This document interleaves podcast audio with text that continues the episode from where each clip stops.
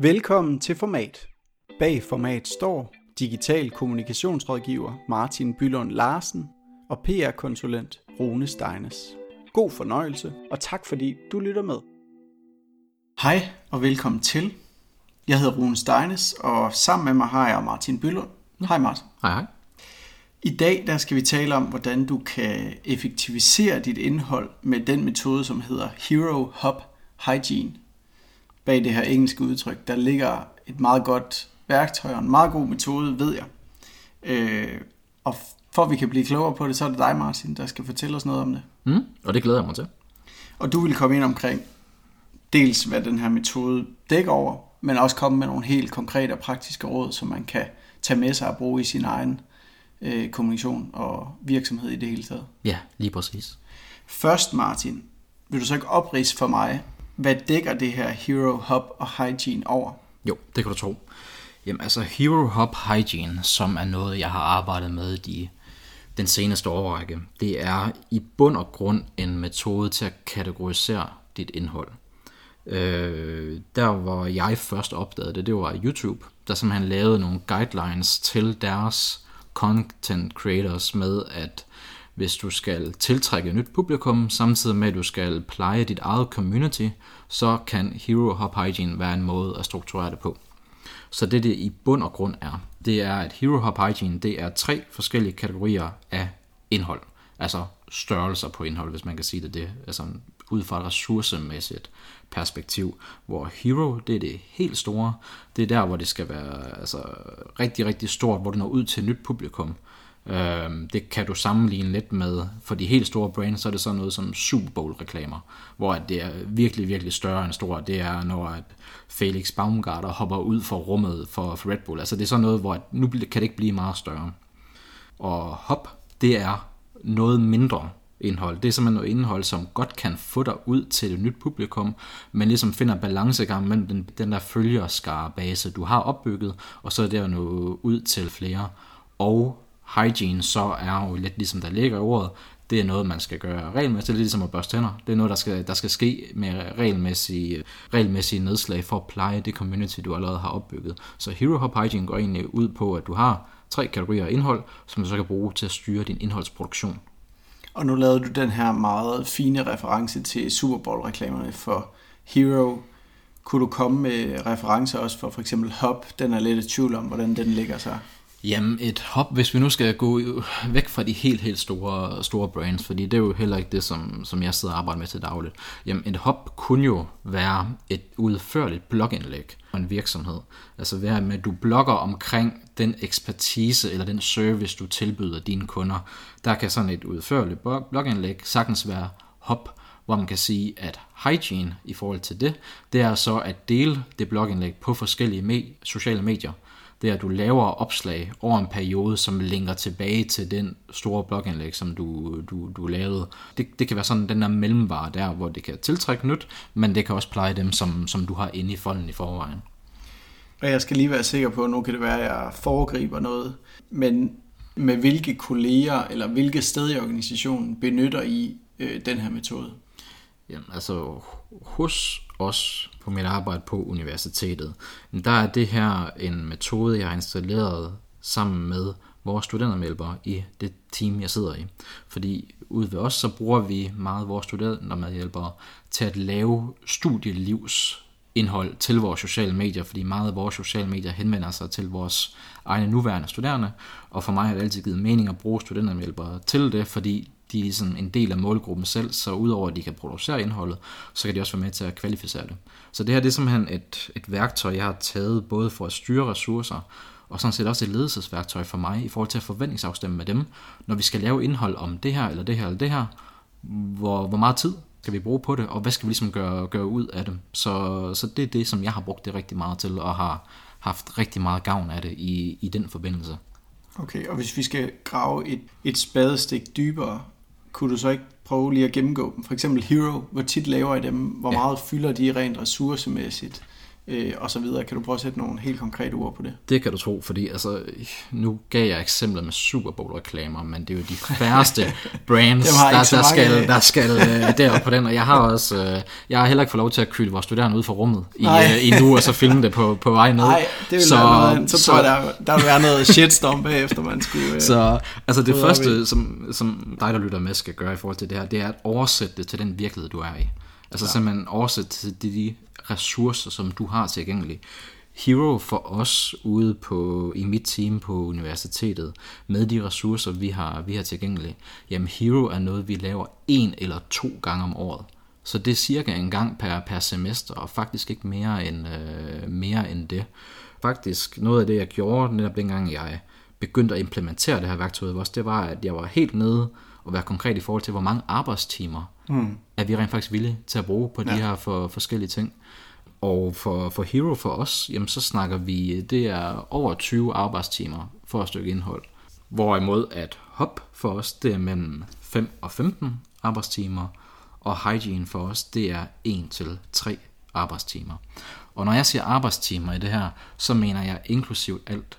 Så det betyder også, hvis der er noget mailkorrespondence for at samle ting ind, eller få koordineret noget eller andet, så tæller det med i den samlede arbejdstid. Og hvis jeg nu skal sidde med en studentermedhjælper i 15 minutter for at aftale, hvordan en opgave skal løses, jamen hvis to mennesker bruger et kvarter sammen, så er de ikke brugt et kvarter, så er de brugt en halv time. Så, så det er sådan set inklusiv alle de her ting, og man, det, det, jeg er ikke, jeg er tidspessimist og ikke tidsoptimist.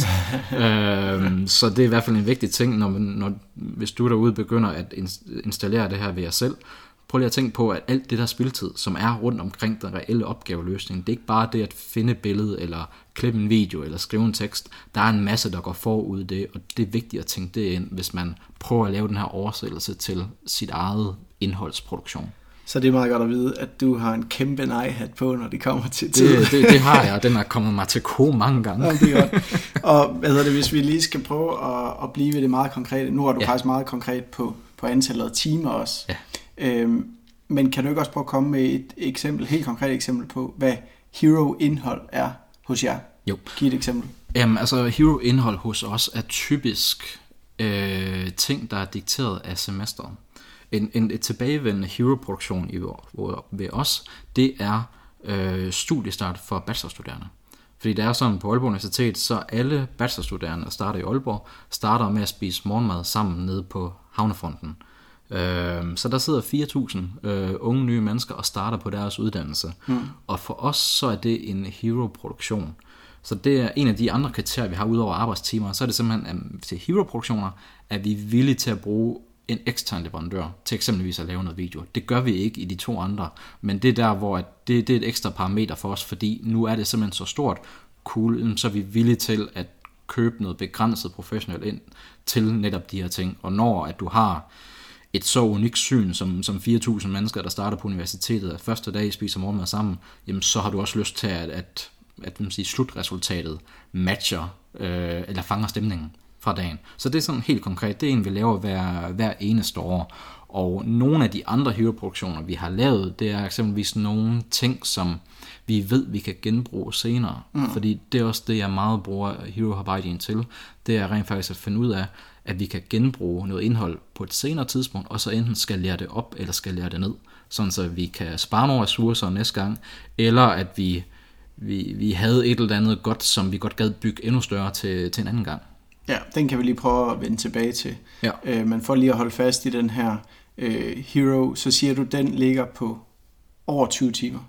Ja. Men det er vel også sådan lidt elastik i metermål. Kan den så vare 100 timer? 200 timer? Nej, 300 det, det, timer? altså selvfølgelig, det, det skal være med måde, ikke? Og vores, altså tidligere så har det været sådan, at jeg har været til at lave indhold til vores sociale medier, og så har det typisk været en til tre studentermedhjælpere, som selvfølgelig har begrænset tid, og de har også andre opgaver. Så det er hele tiden elastisk i forhold til, hvor, hvor du er henne, men det er en meget god måde at få en indikator på, jamen hvis vi gerne vil gøre det så stort her, så er vi bevidste om, at det, det falder ikke bare ud af, ud af himlen. Det er ikke bare, de kan ikke bare møde ind, og så få opgaven, og så er vi i mål, når, når de går hjem på, på en given vagt. Nogle af de her ting skal jo også koordineres lang tid i forvejen, og man siger, sådan noget som netop studiestarten, det er jo ikke noget, der kommer bag på os. Vi ved, det kommer. Vi har gjort det nogle flere gange før. Men det at investere i at få en ny video for 2019, 2018, 2020 er stadigvæk rigtig, rigtig godt indhold til vores sociale medier. Altså øh, fra mit fra, fra min side af bordet, kan man sige, som, øh, øh, som pressekonsulent, synes jeg, der er nogle styrker ved det. Fordi at man jo, det giver sig selv helt konkret, kan se, hvor meget skal den her opgave fylde, hvor vigtig er den i mm. organisationen. Øh, men jeg kan også se den udfordring, at man måske ikke har det clearet hele vejen op, eller hvordan. Fordi jeg kunne godt se måske en rektor, eller en leder hos dig, som kommer og siger, vi skal, have, vi skal lige have plads til den her historie. Eller den her historie skal, skal, det skal ikke bare være en hop, det skal være en hero-historie. Hvordan, øh, hvordan forholder I jer til det?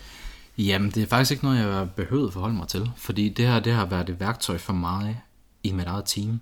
Det er ikke fordi, det her det er installeret på tværs af hele universitetet, og jeg tror også, når folk de kommer med et ønske, jamen så tager de ikke så meget stilling til, hvor mange ressourcer der skal bruges, så er de egentlig bare interesseret i, at der bliver gjort noget, og det vi ender med bliver godt. Og Hero Hop Hygiene er så for mig en, en måde at forventningsafstemme omkring det, der skal laves omkring det. Fordi du kan jo også godt bare lave det, altså det hurtige opslag. Altså når vi øh, kører hygiene, så kan det godt være, at der er en journalist et andet sted i min afdeling eller i organisationen, der har skrevet en artikel. Den artikel er lagt på hjemmesiden. Vi laver et Facebook-opslag eksempelvis, hvor vi deler til den artikel. Så er produktionen, eller hvad kan man sige, arbejdet, det består i at skrive en tekst, og lige at øh, få, få de bedste pointer frem, og måske lige koordinering med, hvornår den er klar. Men så er den jo stadigvæk ude, og jeg, tror, jeg har ikke oplevet noget med, at en ledelse går ind og siger, jamen det her, det skal være, det skal være, det skal bruge så mange timer på, det, det tror jeg egentlig ikke, de fleste bekymrer sig, uh, sig om. De går op i resultatet, hmm. og så hvis det, det er dig, der skal lede jeres social medieproduktion, eller producere jeres digitale indhold, jamen så er det jo så et spørgsmål om, man kan ikke få performe 100% på alt. Altså, der, altså på et tidspunkt, så, så er arbejdsugen nå, gået, og så, så går du hjem. Så hvis du skal nå det, du skal nå, jamen, så er du nødt til at fordele dine din ressourcer og fordele dine indsatser øh, derimellem. Ja, så med andre ord, det det her værktøj også kan, det er simpelthen øh, den benhårde prioritering. Ja, og helt sikkert også også forventningsafstemning, fordi nu, fordi jeg har, jeg har øh, implementeret det her med vores studentermedlemmer, så har vi jo et sprog, omkring det. Mm. Fordi vi ved, hvor, hvad, hvad er forskellen mellem hop og hygiene, hvor mange timer kan der være. Så nu er det decideret med, at jamen, er, det her, er det her hygiene, er det hop? Jamen det er hygiene. Okay, cool. Jamen så ved de også, hvor meget tid de skal bruge på det, og så ved de også, hvad det er for et forventning, vi kan sætte om den kvalitet, vi ender med. Så der er sådan noget, der er en fed engelsk lingo i jeres afdeling, hvor man siger, det der det er en hop. det, er, det, det er svært at komme ud af det, når man arbejder med sociale medier. ja, det, det, bliver, det bliver hurtigt danglish. ja, det gør det altså. Det gør det. Nå, fedt. Øhm, hvad var det nu, jeg tænkte på? Jo, jeg tænkte på, at øh, vi måske lige skulle vende lidt tilbage til det her med YouTube, fordi du, det teasede du i starten, at det egentlig er der begrebet kommer fra. Øh, kan du ikke prøve at beskrive lidt, hvordan YouTube bruger det her? Jamen, jeg ved faktisk ikke synligt meget om det, fordi altså, jeg har bare stjålet det fra YouTube. Okay. Stort set. Ja. Altså så ja. hele den her oversættelse med, hvad ressourcer er, det er mere konceptet, det her med, vi har tre forskellige kategorier, ja. de betyder noget forskelligt, ja. vi lægger ressourcerne i dem forskelligt, og så ender vi med et andet resultat. Det er der, er, det er der hvor oversættelsesarbejdet det, det er. Så hvad, altså, YouTube skrev det som en guide til deres, altså deres uh, content creators, tror jeg, for at kunne inspirere dem ja. til, hvordan, at hvis jeg skal drive og dyrke og, og vækste min kanal, jamen, hvordan kan du lige få det der metaperspektiv på, at du ikke bare laver det samme, ja. men at du har det her med, at noget indhold er for at push, at nå ud til folk, og noget indhold, det er simpelthen øh, pull i forhold til, at folk de søger på noget særligt, søger på nogle how-to-videoer, og så laver du noget indhold, som kan spille ind i det. Så det er jo også en ting, man skal overveje i forhold til det her, fordi når vi kører Hero eksempelvis, så kører vi også push. En af de kriterie, vi har for vores hero-indhold, det er faktisk, at vi altid har et budget til, til Facebook-annoncering. Simpelthen sådan, så når vi, vi laver ikke bare indholdet, og så tager til takket med den organiske reach, vi får på Facebook. Når vi har lagt så mange ressourcer i, så er vi også villige til at finde et par tusind kroner til at nå ud til vores egne følgere, eller folk, der minder om dem, vi egentlig gerne vil, vil vise det overfor. Men det er ikke noget, vi gør på vores hygiene-indhold, og på vores hop, der kan den gå begge veje.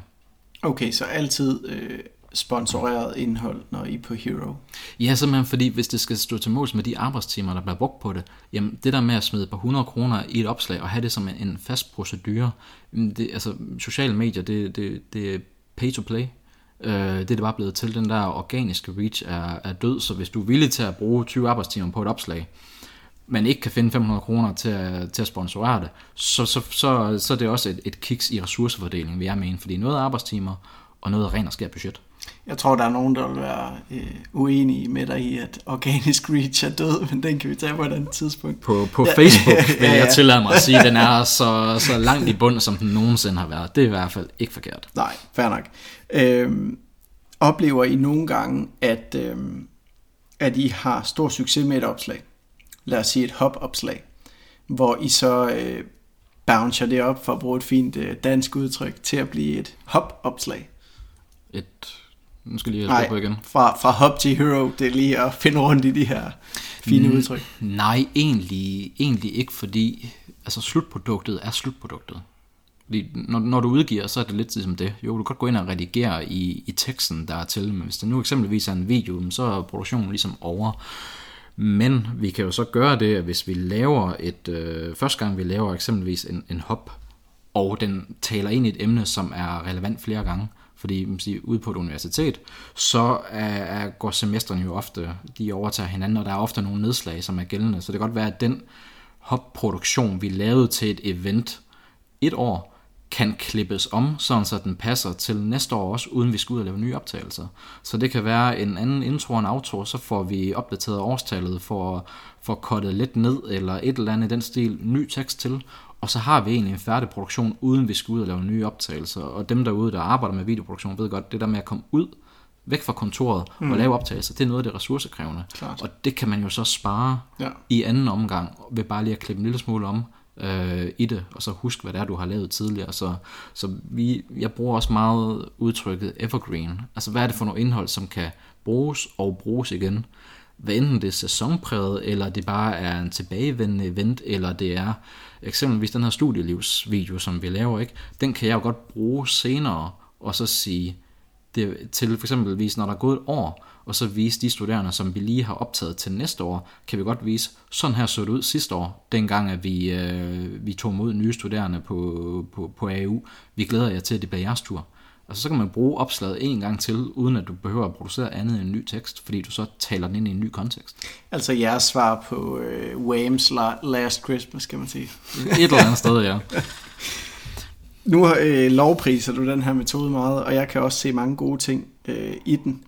Er der noget, den ikke kan, eller er der nogle ulemper ved den, som man skal være øh, opmærksom på? Nogle faldgrupper? Altså jeg kunne forestille mig, altså, der er jo mange derude, hvor sociale medier har en ret stor ressourcebegrænsning.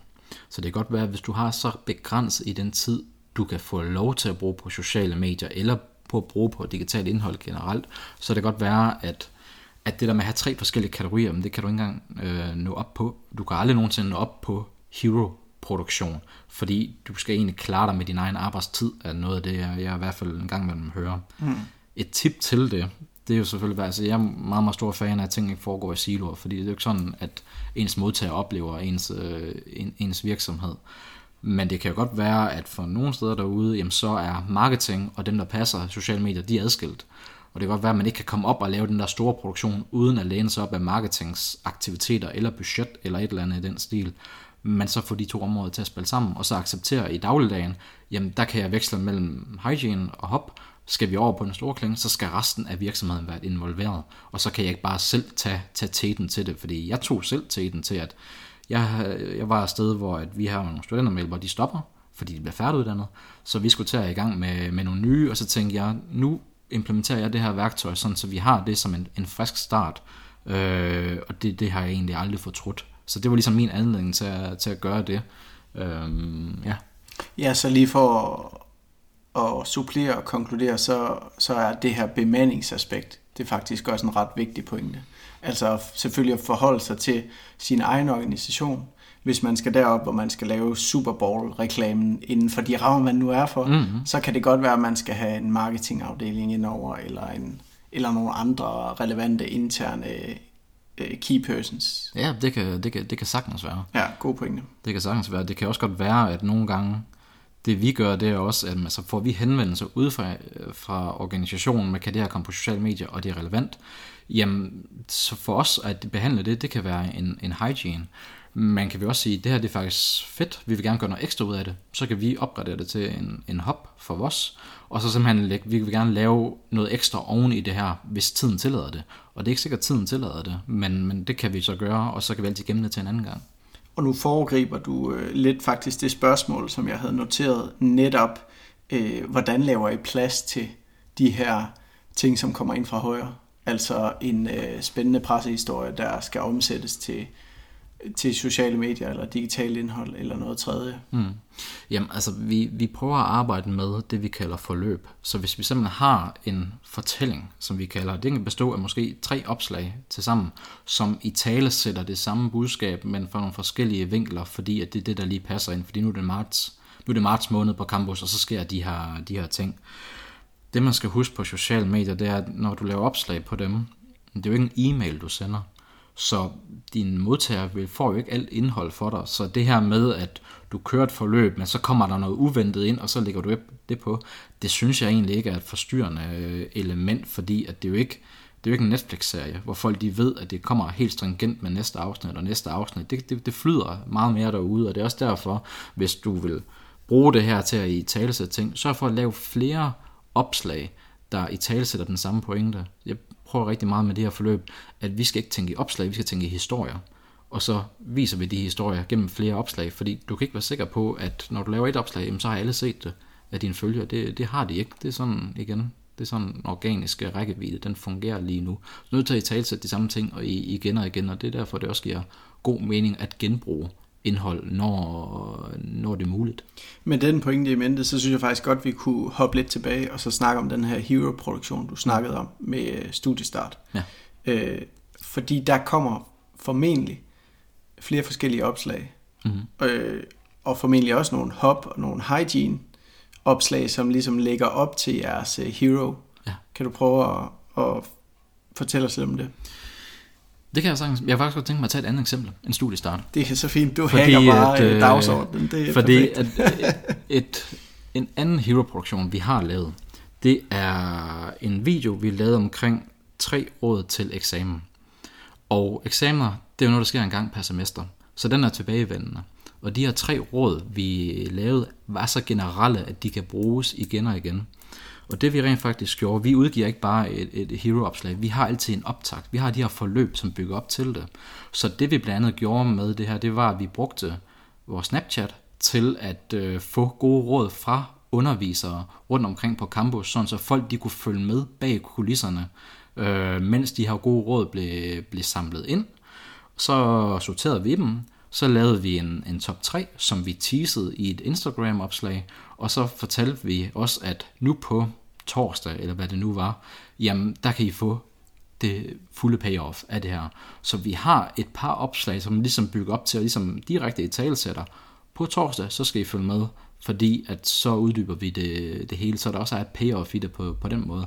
Så det er en måde, hvor vi bruger hygiene og hop, eller hvad det nu kan lade sig gøre, til at bygge op til, at vi har noget større, eller ligesom folder, folder fortællingen mere ud gennem, øh, gennem flere opslag. Okay, og hvis vi, nu går jeg nok lidt uden for, for dagsordenen her, men det er alligevel interessant. Hvis man så skal kigge på øh, selve målingen af en hero-indsats, ja. øh, hvordan griber I så den anden, og, og kan I se på de her steps undervejs, at jeres øh, hygiene og jeres hop-indsats gør noget godt for hero-indsatsen i det hele taget? Det synes jeg. Det, jeg synes godt, vi kan se, at vi får bedre interaktion på vores, øh, på, på vores hero-opslag. Øh, for os er det meget typisk videoer, og det er typisk video for de, for de lidt større ting, eller, eller ligesom payoffet på, på, på et længere forløb. Selvfølgelig er det også hjulpet hen ad vejen af, at vi er villige til at bruge nogle penge på at sponsorere, så vi får noget mere interaktion. Men selv hvis vi kiggede rent, hvis vi bare tog paid helt ud af det og kigger rent organisk, så kan vi stadigvæk se en, en højere interaktion, fordi du har opbygget en eller anden forventning, som du selvfølgelig forsøger at indfri. Og noget af det, som vi ofte gør med, med vores hive, det er, at vi talsætter en eller anden fællesskabsfølelse på universitetet. Det her med at gå til eksamener, det kan alle relatere til. Det der med at, at sidde og spise morgenmad sammen med, med 4.000 andre, altså alle, der er startet i Aalborg, kan relatere til det. Så der er både det der med, at jeg kan forholde mig til det, og så også, at vi prøver at være altså meget uformelle omkring det. Det er ikke, øh, vi, vi, vi prøver at være prøver at være humoristiske, prøver at være afslappet omkring det, og ligesom få folk til at tænke skuldrene og så sige, at det skal nok gå. Øh, og det kan vi se øh, større interaktion med. Der er noget, jeg gerne vil bore lidt i, og det var også noget af det, jeg, jeg spurgte dig lidt ind til før, og det er det her med, hvis man for eksempel kan se, at et hygiene-opslag, øh, det performer rigtig, rigtig godt. Øh, kan det så ikke blive bombet op til, øh, til, til et hop eller et hero-opslag? Altså, den absolut nemmeste måde at gøre det på, og som jeg også synes, man skal være opmærksom på, det er, hvis du laver et opslag, og du kan se, det får mere interaktion end normalt, så brug nogle penge på det. Simpelthen så, så sørg for, at bare, bare par hundrede kroner i forhold til, hvad du normalt vil gøre, på at sige, okay, nu er den der, vi får interaktion, vi forlænger simpelthen opslagets levetid ved at skynde os at smide nogle, nogle penge i, fordi vi kan se, at det her det er over gennemsnit for os. Altså det er en meget, meget hurtig opgradering, og den kan man jo lave, selvom opslaget er udgivet. Så er det jo nemt at gå ind og oprette en annonce, der bruger det opslag til lige at nå ud til, til ekstra publikum. Så på den måde, så kan man smide, man se, jernet er varmt, og ligesom lave den der opgradering. Og så notere sig, jamen altså det her, det fungerede rigtig godt, så det er måske enten budskabsmæssigt, eller altså indholdsmæssigt, den måde vi endte med at, øh, at give det form på, noget som vores modtager kunne lide, jamen så skal vi måske gøre mere af det. Så på den måde kan man også lære af det på, på, på længere sigt. Men, men at bruge en lille smule paid, når du har et opslag, der får god interaktion, det, det er den hurtige måde at, øh, at, øh, at, at udnytte det på. Ja, så booste lige på stedet, og så alligevel også øh, markere og, øh, og notere, hvorfor var det, vi fik succes med det her. Altså jeg vil så tilføje, at man skal aldrig bruge boost-knappen på Facebook, men det, det er et helt andet afsnit. det er noteret. Den tager vi op i et andet afsnit. Øhm, lige her til sidst, fordi vi er ved at være ved øh, vejs ende, kunne du så ikke helt konkret give nogle bud til mig og til lytterne derude, hvis vi øh, tænker, det her det lyder ret fint, og det lyder som en, som en fin metode at implementere mm. i vores daglige arbejde. Hvilke skridt skal vi tage, og hvordan kommer vi i gang? Gerne i morgen. Jamen altså, stedet at starte, det er at prøve at lave de her kategorier øh, for dig selv. Prøv at lave øvelsen med at sætte reel arbejdstid på Hero Hop Hygiene. Og hvis det betyder, at der er 15 minutter til, til hygiene, og at, øh, at Hero er helt udelukket, medmindre du får mere organisation med på det, jamen så er det der. Men bare det at have det der perspektiv på, hvordan bruger vi rent faktisk ressourcerne, og også den her forventningsafstemning, hvor, hvor ofte skal vi gøre det her. Er det realistisk at, at lave hygiene-opslag tre gange om ugen? Jamen fint men det er ikke realistisk at lave øh, hop-opslag øh, tre gange om ugen, jamen så lad være med at sætte den til det. Altså vær realistisk omkring det her, og prøv at skrive det ned. Er der nogle, hvad skal man sige, nogle kendetegn ved den ene, anden eller tredje kategori, som ligesom kan lave den her oversættelse for jer, sådan så at hygiene er det her, men det er ikke det her, og for eksempel her bruger vi penge, men her bruger vi ikke penge. Altså jo mere konkret man kan gøre det, så kan man ligesom forholde sig til det. Og så kan man jo bruge det også fremadrettet derefter, men man siger, hvis I skal lave et nyt opslag, jamen, hvor, hvad er det så? Hvad er det rent faktisk, hvis du skal give opgaven, enten du skal give opgaven videre til en anden, eller du skal tage den selv. Det jeg laver lige nu, hvad er det, hvor, hvor stort skal det være? Hvor, hvor meget vil det gøre ekstra for den effekt, vi prøver at skabe ved vores modtagere, hvis vi smider ekstra ressourcer i, og så opretter det til, til hop, i stedet for, at øh, det bare bliver, bliver hygiene. Øhm. Kan du prøve at være helt konkret på, når du siger reel arbejdstid? Hvad kunne der ligge af, sådan helt konkret, hvad kunne der ligge af reel arbejdstid i et hygiene-opslag? Jamen, altså der er for først, øh, hvad skal man sige, idégenerering er den fluffy måde at sige det på. Hvad skal vi rent faktisk øh, snakke om?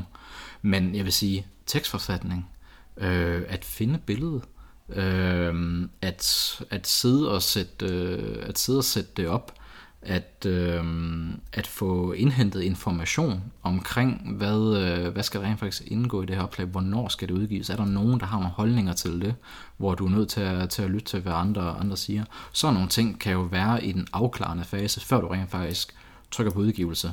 Plus, at når du udgiver ting på sociale medier, så arbejder du ikke overstået. Fordi det handler om, hvordan brugerne tager imod det. Så det der med også at forholde dig til, jamen, hvis, hvis det her det er, hvor meget arbejdstid skal der bruges på at holde øje med opslag efterfølgende, det kan man ikke altid selv bestemme, men det er vigtigt lige at tage en vurdering af det. Fordi hvis du tror, du er 100% færdig i det øjeblik, du har trykket udgive, så arbejder du ikke med sociale medier, fordi altså, så er du 50% færdig, fordi så har, man taget, øh, så har man taget det sociale ud af de sociale medier. Ja, præcis, og så, så skal du være noget, så skal du lave noget andet. Ja. så skal du simpelthen lave noget andet. Øhm, så det her med at og bare huske, at det er ikke færdigt, når at vi har udgivet, det er færdigt, når det ikke længere får interaktion. Det er også en, en ting at tænke ind i det i forhold til rent faktisk også at finde ud af, hvor meget tid bruger vi rent faktisk på, på sociale medier, og er det her så lidt eller så meget, at vi kan udnytte det, det bedre. Fordi for mig så er det rigtig meget et, et værktøj til at styre ressourcer, og det man hælder ressourcer i, er jo det, man tror på vil give mest effekt, og det er jo egentlig det, det handler om. Ja, klart. Altså ressourcer, prioritering, effekt. Ja. Ikke? Og den kan, den kan bruges, om du arbejder sammen med andre, eller om du gør det helt selv. Den kan egentlig gælde for begge dele. Ja, men jeg synes, det er fedt. Det er, det er fedt. Jeg var lige ved at bande. Det, det, har vi ikke, det ved jeg ikke, om vi må høre på vores podcast. Det må vi lige snakke om. Ja, den tager øhm, vi. lad os lige prøve at lave samme øvelse. Vi har været lidt inde på det, men lad os lige prøve øh, at lave samme øvelse med Hero. Øh, mm. Fordi du var meget konkret om, hvad der ligger i hygiene. Ja. Prøv at forklare, hvad der ligger i Hero af arbejdsopgaver. Helt konkret. Jamen, altså hvis vi tager fat i, hvordan vi gør det på universitetet, så er Hero der, hvor vi er villige, ikke, det er ikke tvunget, men vi er villige til at bruge en ekstern leverandør til eksempelvis at lave en professionel video. Jamen, dem, der har med leverandør at gøre, ved, der har en masse koordinering. Du er nødt til at give opgaven, få et tilbud, sige ja til det, altså afklare omkring hele den der budgetmæssige del. Allerede der, der er i langt over 20 timer. Det kommer ind på, hvor gode samarbejdspartnere du har. Ja, det er klart, og, og hvor ofte du, du bruger dem. Også det her med, altså for, for mig har det virket at sætte sig ned med vores produktionsselskab og så sige, vi kører faktisk det her. Hen over den her sommer, så kører vi hele det her forløb, og I hjælper os med at lave en hero-produktion her, og en hero-produktion her. Og så alt det her i midten, det er noget, vi selv tager på øh, internt. Men så har de også en forståelse for, hvad er det, okay, så hvis vi skal levere hero-produktion til jer næste gang, hvor er det så rent faktisk grænserne, øh, grænserne går. Altså selvfølgelig, man kan ikke kontrollere alt, og det er også klart, jamen, det er bedre at smide flere arbejdstimer i, og så få et godt resultat, end det at give op halvvejs. Det skal man jo ikke øh, nødvendigvis gøre. Men det er i hvert fald en, en faktor, som bliver introduceret for os ved Hero, fordi alt andet, det klarer vi internt. Her, der er der et, et niveau af outsourcing, og det kræver så, at du kan arbejde godt sammen med nogen, som du stoler på, og som kan levere varen til den tid og pris, du er villig til at bruge på det. Ja, så en anbefaling lige der at tage et bureau, som man arbejder godt sammen med og kender. Det er ikke øh, rocket science, men Nej, det er en god idé. Og samtidig det... måske også lægge planen ud, som du siger, lægge planen ud for bureauet. Øh, hele planen. Mm, ja, og måske det, forklare dem overordnet set, hvad er det for nogle elementer, man arbejder hvis, med. Hvis tiden tillader det, så synes, jeg, så, så synes jeg, det giver en god dialog efterfølgende. Selvfølgelig, det er jo også en afgrænset leverance, så det kan også godt være, at det er overinformation for byrådet. Men jeg tænker bare, at det der med at levere et godt kreativt stykke indhold ind, er også at forstå konteksten. Og hvis du kan ligesom købe din leverandør ind på, hvad det rent faktisk det her, de skal gøre, og du, er, du skal levere den her del her, men det her det er det store billede, så synes, tror, så har jeg også erfaring med, så leverer de bedre arbejde i første hug. Det er, jeg synes, det er virkelig interessant. Det må jeg sige, Martin. Det, det er en metode, vi har fået rigtig meget ud af at bruge, og jeg er stor fortæller for det her. Det er en god måde at få struktur på noget, som kan blive ustruktureret. Klart. Blev du færdig med at beskrive elementerne i Hero? Du fokuserede på det her med at trække et bureau ind. Ja, der, der, der, der, der er flere ting i det, men altså overordnet set, så synes jeg, at jeg har fået introduceret til det. Øhm, igen, det handler om oversættelse, hvad der er hvad der er Hero Hygiene for Red Bull, Klart. er ikke det, der er Hero Hop Hygiene for Aalborg Universitet, og er ikke det, der er Hero Hygiene for dig. Men jeg synes, det var rigtig fint alligevel at få nogle lavpraktiske eksempler på, hvad der for eksempel ligger i Hygiene og Hero hos jer. Ja. Så kan man jo altid blive inspireret Selvfølgelig. Og, og tænke det i sin egen kontekst. Selvfølgelig. Fedt, jeg har ikke mere. Jeg synes, det har været utrolig interessant. Tak fordi du lyttede med. Vi håber, du fik nogle konkrete råd, du kan bruge i dit eget kommunikationsarbejde. Hvis du kunne lide det, du hørte, må du gerne give os en anmeldelse eller dele videre til en anden. Vi lyttes ved.